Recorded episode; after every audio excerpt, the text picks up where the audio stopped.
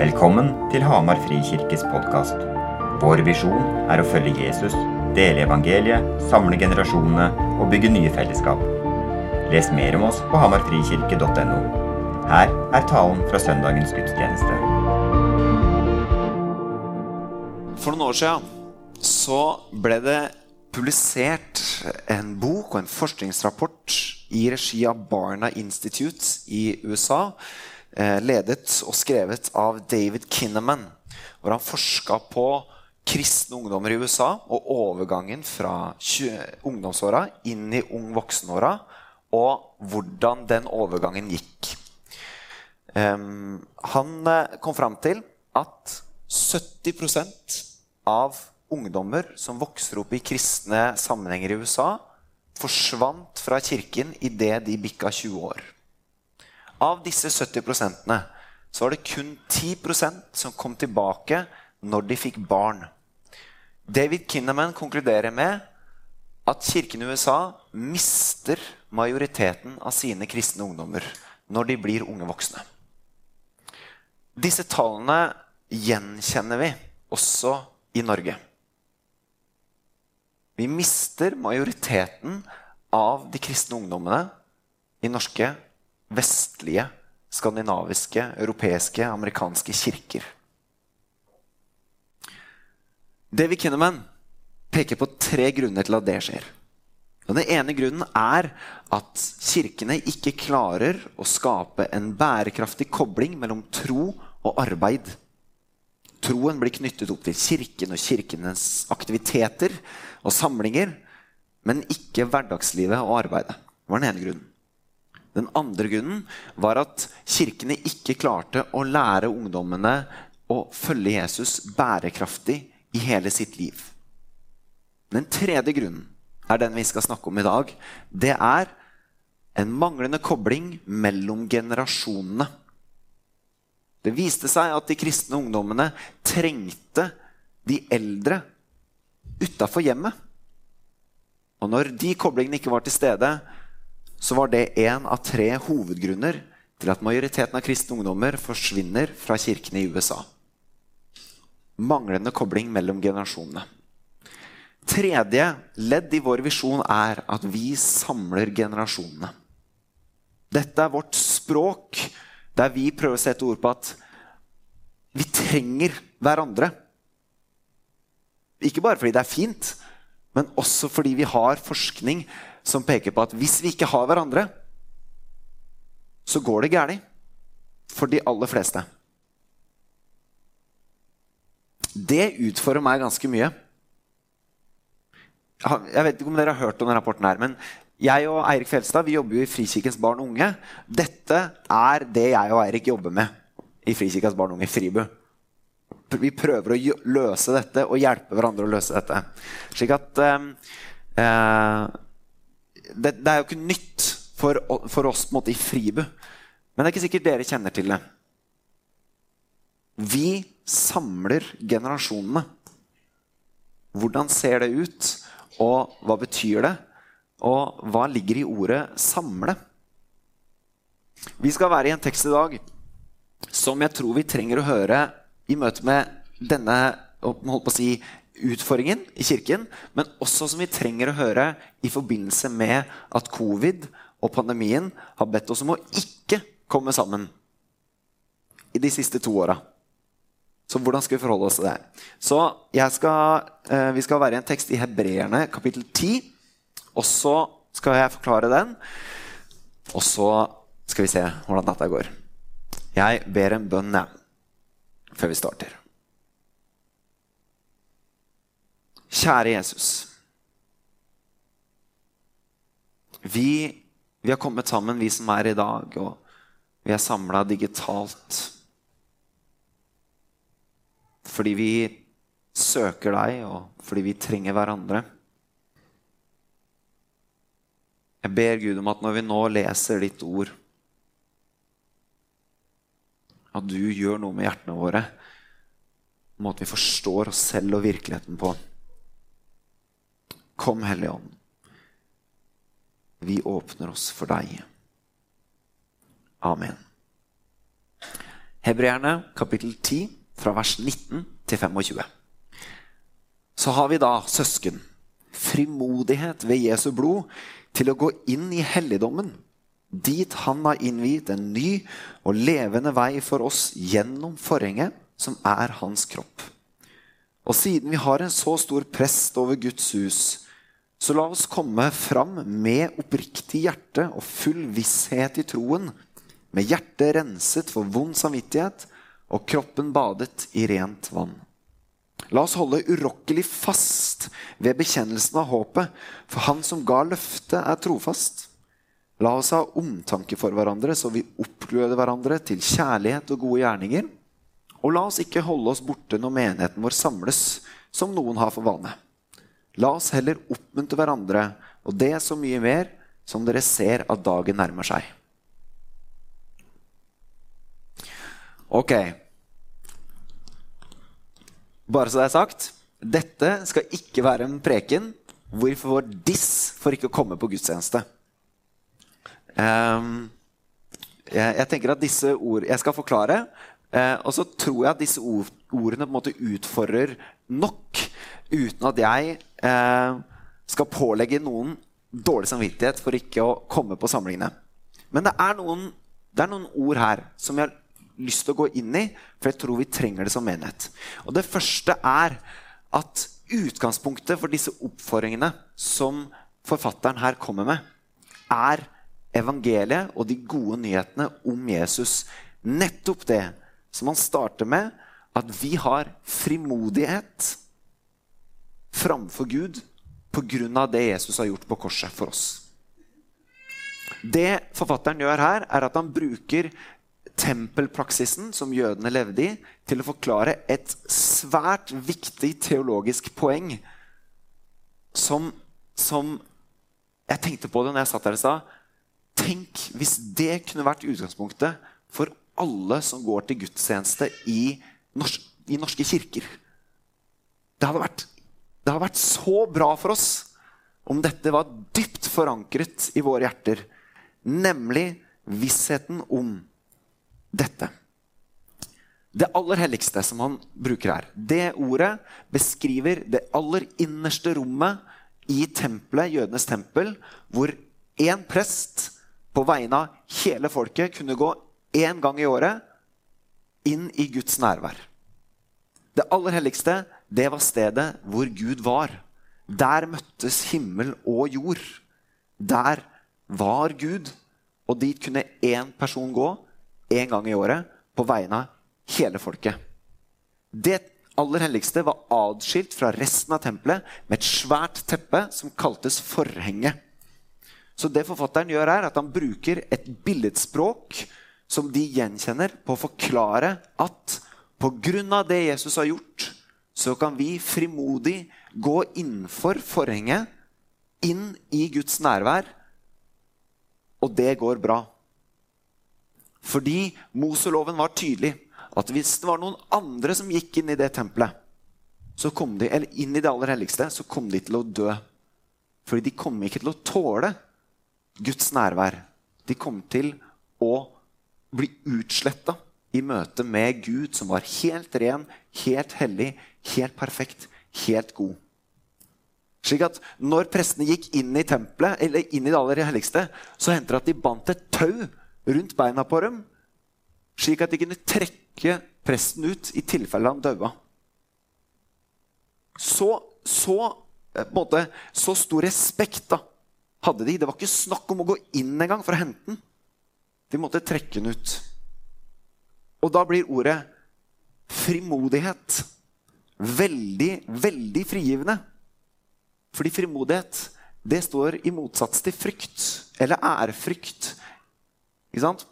I den forstand at dere trenger ikke være redd for å oppsøke Guds nærvær. Det aller helligste, det aller eneste. Dere kan gjøre det med frimodighet. Fordi dere er gjort rene. Dere har ren samvittighet. Tenk hvis alle som tror på Jesus, har det som utgangspunkt at når jeg oppsøker Guds nærvær, så trenger jeg ikke frykte for noen ting fordi Gud har gjort meg ren. så jeg tåler hans nærvær, og han vil ha mitt fellesskap, eller ha fellesskap med meg. Ikke noe dårlig samvittighet. Et utgangspunkt hvor jeg lever at, i visshet om at jeg er gjort ren. Jeg har fått ta imot noe som gjør at jeg kan oppsøke Gud. Og jeg kan ha fellesskap med Han som er helt ren, helt perfekt, helt hellig. Og det går bra. Forfatterens poeng er tydelig. Pga. Jesu blod så er vi helt rene og rettferdige, tilgitt for våre synder, født på ny. Derfor kan vi ha frimodighet innenfor Gud. Trygge, uten skam, med hjertet renset for vond samvittighet, kroppen badet i rent vann, så kan vi oppsøke Guds nærvær. Det er, det er, et grunnleggende poeng for forfatteren å få fram. Derfor. Ikke sant? Det er utgangspunktet hans. Og med utgangspunkt i det så kommer han med fire oppfordringer. Og La oss gå inn i de fire oppfordringene. La oss derfor komme fram med oppriktig hjerte og full visshet i troen, med hjertet renset for vond samvittighet og kroppen badet i rent vann. Derfor La oss oppsøke Guds nærvær, er det han sier. I fellesskap, men også på egen hånd. Og Guds nærvær det er ikke, det, Som jeg sa forrige uke, det er ikke sånn at når vi ber, så kommer Guds nærvær. Nei, For Gud er jo til stede. Men det er når vi ber, så blir vi var på eller oppmerksom på Guds nærvær. Fordi nærværet har jo vi i oss, vi som tror, ved Den hellige ånd. Ikke sant? Det er den første formaningen om å oppsøke Guds nærvær med frimodighet. I tro og tillit til at du har fått ta imot Eller i tro og tillit til det du har fått ta imot i troen og dåpen. Det er første. Andre oppfordringen er la oss holde urokkelig fast på bekjennelsen av håpet, for han som ga løftet, han er trofast. Bekjennelsen, det uttrykte med ord der du setter ord på 'dette tror jeg på'. Og Derfor har Kirken helt siden de første kristne, når man feirer gudstjeneste, satt ord på hva man tror på i en trosbekjennelse, sånn som vi gjorde i stad. Helt fra de første kristne så har man uttrykt troen i liturgiske, formulerte setninger. Og så har den utvikla seg til det vi kjenner i dag. Men vi skal holde fast på bekjennelsen. Dette tror vi på. Dette er det vi har oppsummert troen vår i. Andre, tredje, mener jeg, eh, oppfordring er la oss ha omtanke for hverandre, så vi oppgløder hverandre til kjærlighet og gode gjerninger. La oss ha omtanke for hverandre.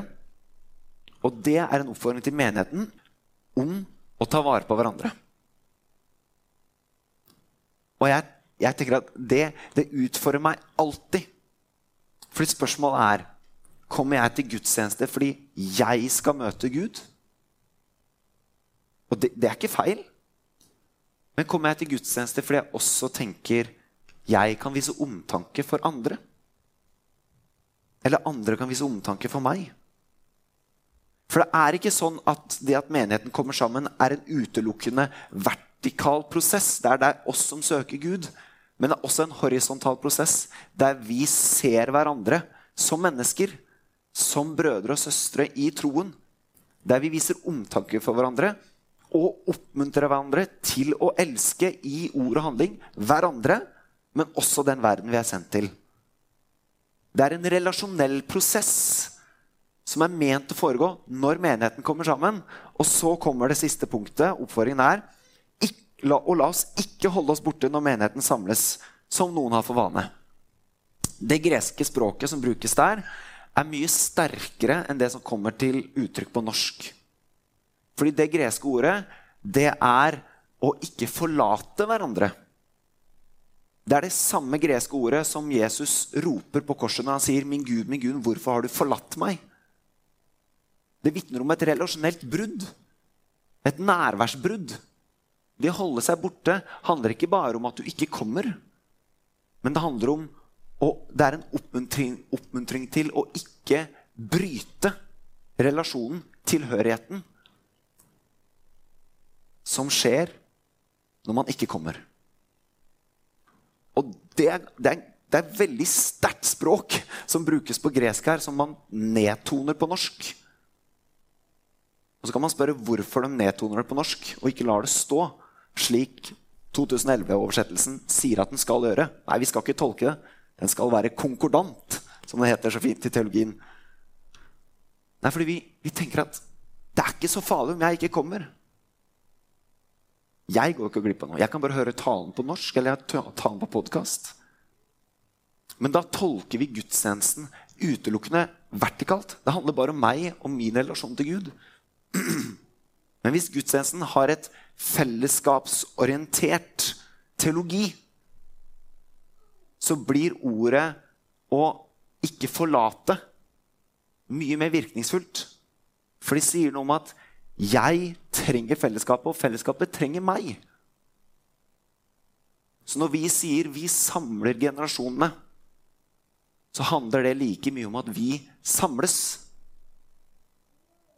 Og det er litt paradoksalt å si det når vi er midt i en pandemi og vi ikke har lov til å samles, eller folk ikke kan fordi de er påbudt karantene.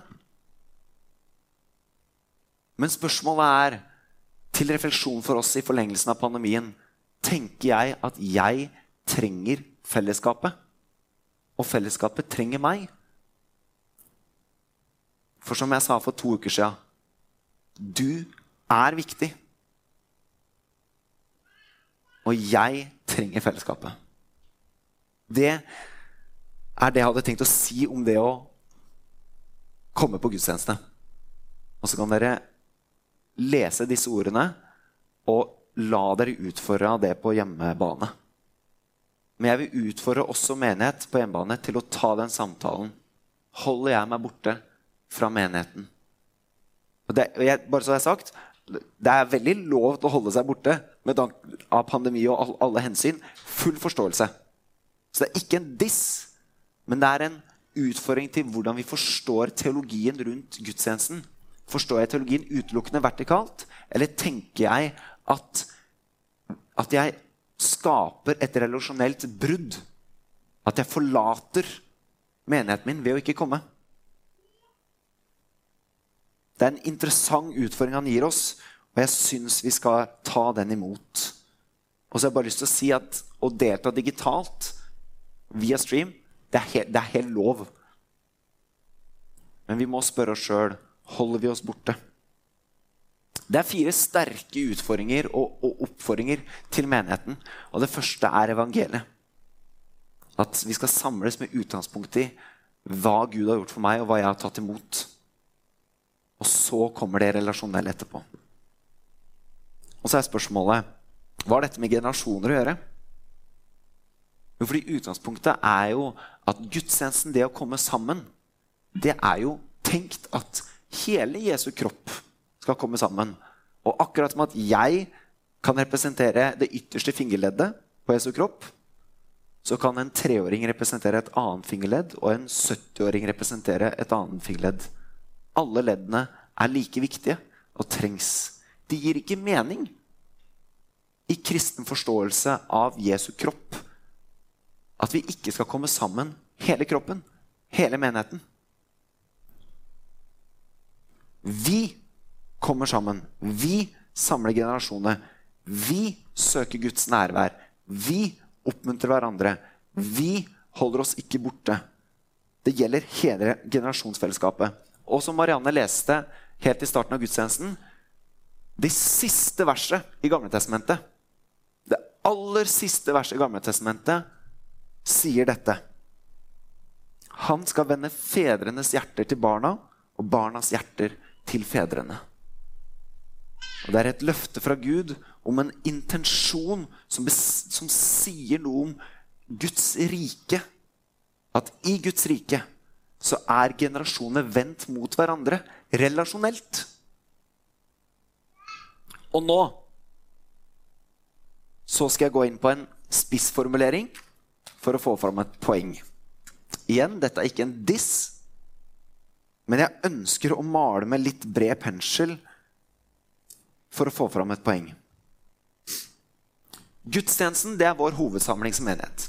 Jeg som hovedpastor og måten vi har organisert oss på, så er det jeg som er ansvarlig for gudstjenesten og måten den foregår på. Jeg må spørre meg sjøl, som ansvarlig for gudstjenesten Hvem er det jeg lager gudstjenesten for?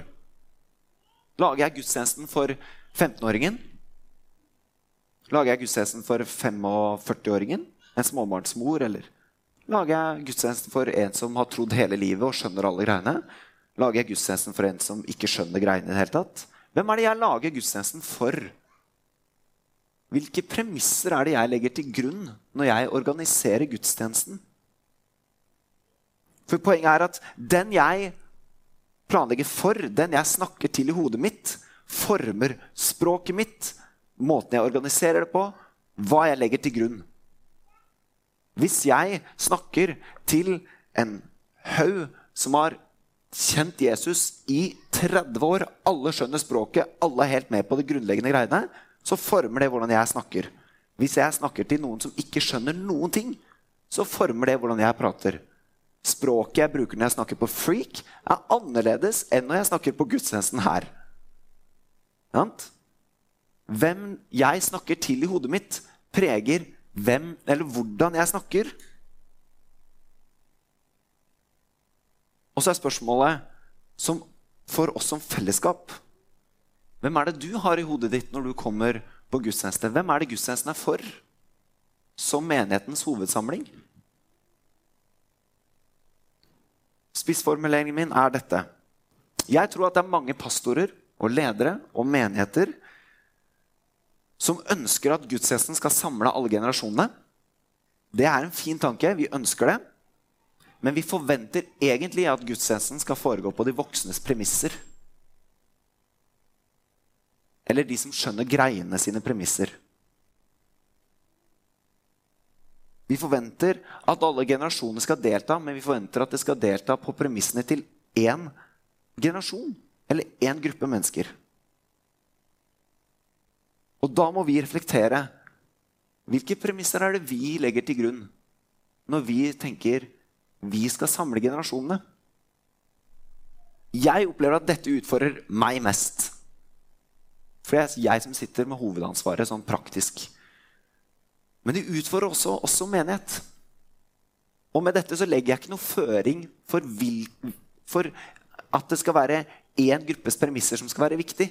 Men vi må stille oss spørsmålet på hvems premisser er det vi prøver å samle generasjonene? For hvis jeg prøver å samle generasjoner på mine premisser, så funker ikke det. For da er det meg og mitt som blir førende.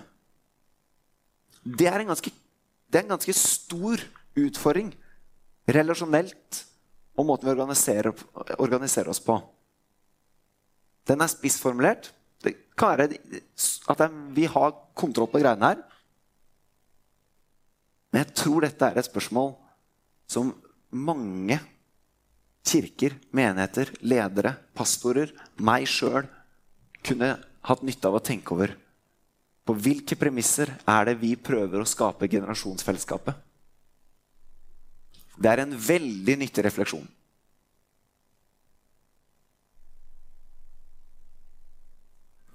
Det blir um, bare sånn Dette er ikke ment som en diss. Bare, det er så viktig.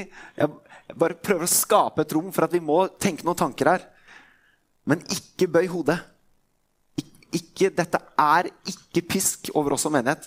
På ingen måte. Men det er et spissformulert spørsmål for å få oss til å tenke. Å få meg til å tenke. Jeg er utrolig stolt av den jobben vi gjør med mentorarbeid i menigheten vår. Janne, Anders, som leder det. Jeg og Eirik Fjellstad vi jobber i Fribu, som jeg sa. Og vi, vi framsnakker mentorkonseptet i alle menighetene vi kommer til. Og det er så mange menigheter som sier 'dette trenger vi'. Ja, én-til-én-fellesskap mellom ung og voksen. Hvordan? Er, altså, Vi er så heldige som menighet som har det. Og den jobben som Janne og Anders gjør Jeg, jeg tror ikke vi skjønner hvor utrolig godt det er for oss som menighet. At vi har en måte å skape generasjonsfellesskap på én til én. For det løser jo et grunnleggende problem. Nemlig at de yngre får noen å snakke med som ikke er foreldra sine.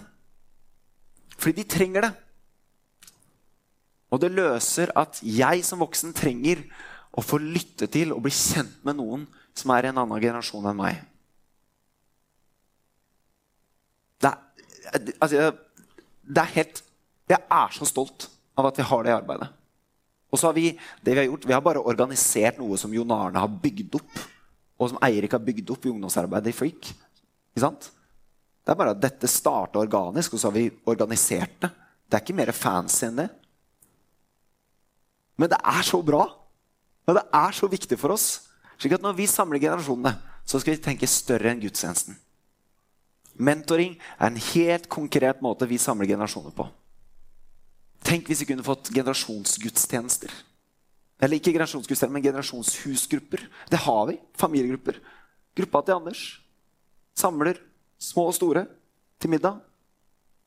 Hvordan vi skal samle generasjonene, det kan gi veldig ulike utslag. Men gudstjenesten er vår hovedsamling. Og vi må spørre hvordan skal vi samle generasjonene der? Jeg nevnte det forrige uke, og jeg nevner igjen. Setningen 'It takes a village to raise a child'. Men jeg trenger landsbyen. Takes a village to live. Jeg trenger landsbyen. Jeg som kristen, som individ, som voksen mann i Norge i dag, trenger de eldre, og jeg trenger de yngre. Og når vi samler generasjonene, når vi kommer sammen som menighet, så skal vi oppmuntre hverandre, og vi skal se hverandre, og vi skal oppsøke hverandre horisontalt. Og vi skal gjøre det sammen opp til Gud. Vi skal sammen søke Gud. Vi skal involvere hverandre i hverandres liv på tvers av generasjonene. Vi skal involvere hverandre i barnearbeidet, i ungdomsarbeidet, i familiearbeidet. Vi skal involvere hverandre i eldrearbeidet. Vi skal involvere hverandre i de voksnes liv og de smås liv. Vi samler generasjonene. Vi er heldige som menighet. Og så har jeg gitt noen utfordringer i dag på at vi må samles. At vi må samles som generasjon. Men hele utgangspunktet er at vi kan gjøre det med frimodighet pga. det Jesus har gjort, som vi har fått ta imot. Og det, det må være utgangspunktet vårt. For der er det ikke dårlig samvittighet. Innenfor Gud så kan vi komme med ren samvittighet, i frimodighet, i takknemlighet, i tillit. Fordi Gud har gjort noe for oss, og vi har fått ta det imot. Skal vi be?